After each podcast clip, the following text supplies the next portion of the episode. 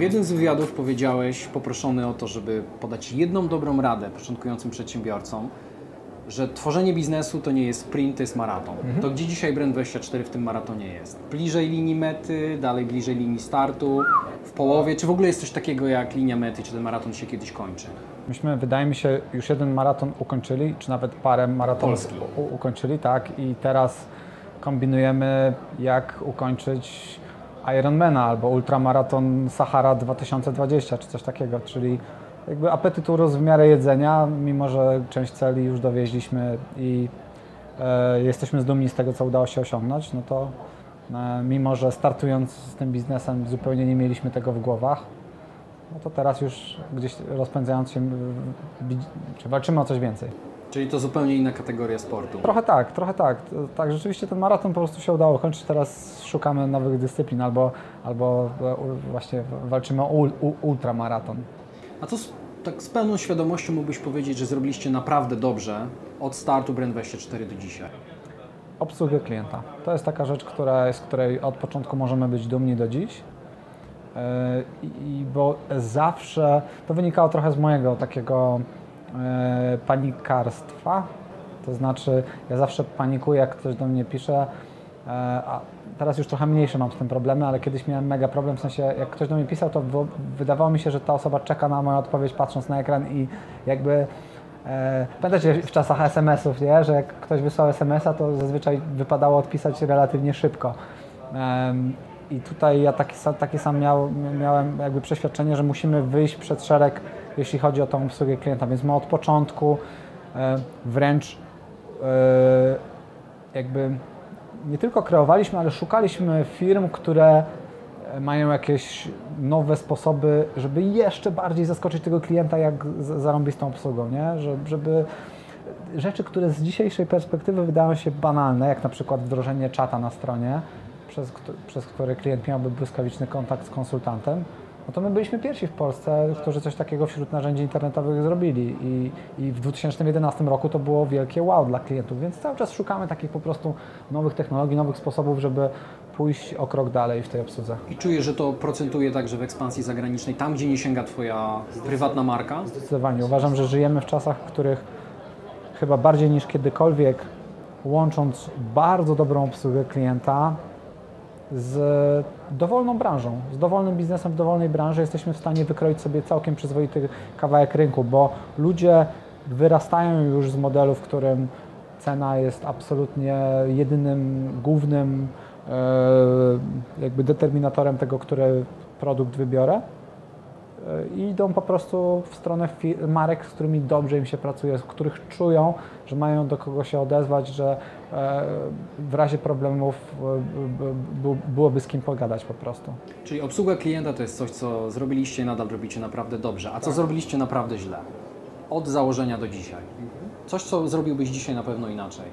Na pewno dużo szybciej odpaliłbym wersję globalną.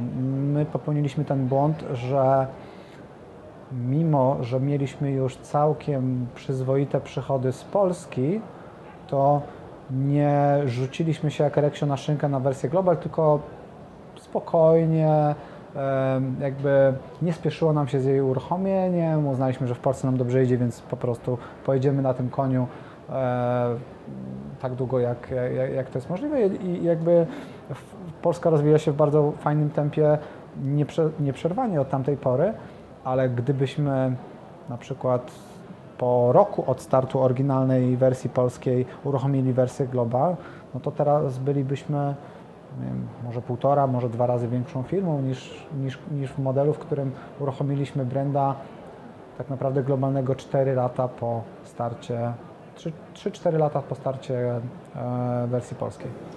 Jaki jest najbardziej odjechany albo najbardziej wyjątkowy, najbardziej ciekawy klient, którego mieliście?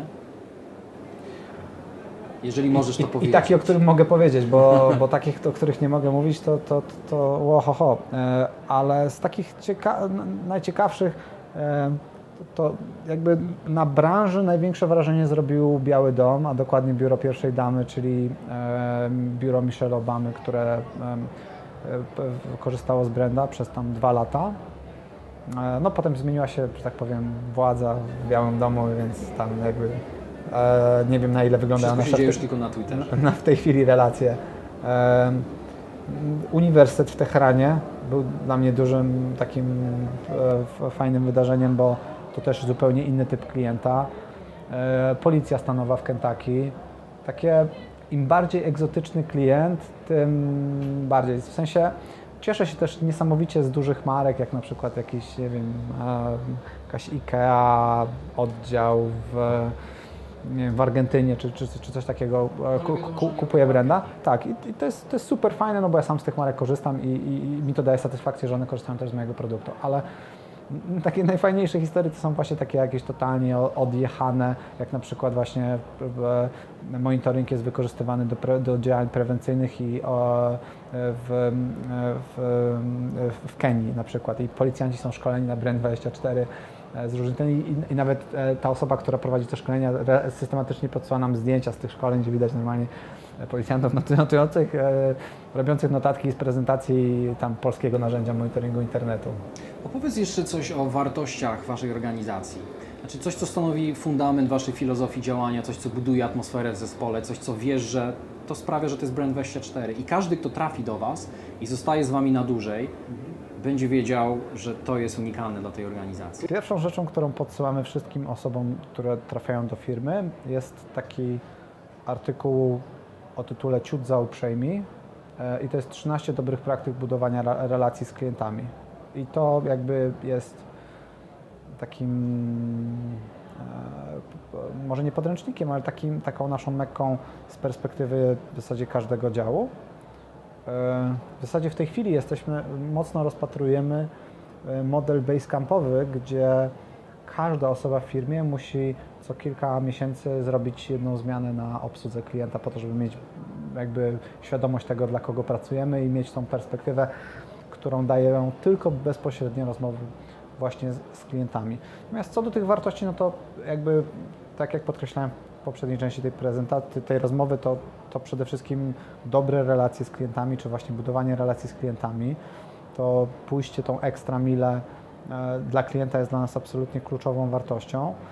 E, e, Ja bym też powiedział, że bycie po prostu fair. E, ma- Mamy, myślę, bardzo, bardzo, bardzo, bardzo małą retencję, jeśli chodzi o firmę, w sensie bardzo mało ludzi gdzieś tam odchodzi i tak dalej, bo wydaje mi się, że jesteśmy typem firmy, która jest fair, gdzie ludzie, którzy z różnych powodów czasami musieli odejść albo e, czasami gdzieś uznawaliśmy, że nie jest nam wspólnie po drodze, jakby nigdy nie, było tak, że zostawiliśmy kogokolwiek na lodzie, nawet ludzi, z którymi się, e, nie wiem, posprzeczaliśmy czy coś takiego, więc lubię myśleć, że w czasach, w których biznes jest robiony w taki sposób często bezduszny i gdzie jakby człowiek jest tylko słupkiem w Excelu i, i, i myśli się tylko o wy, wy, wyciśnięciu jak najlepszych zysków, podchodzimy też fair w stosunku te- do ludzi, którzy są naszym głównym zasobem i, i, i, główną, i główną wartością. To, co pomagało Brand24 i dalej pomaga w Polsce, to jest Twoja marka osobista, ale to nie sięga za granicę.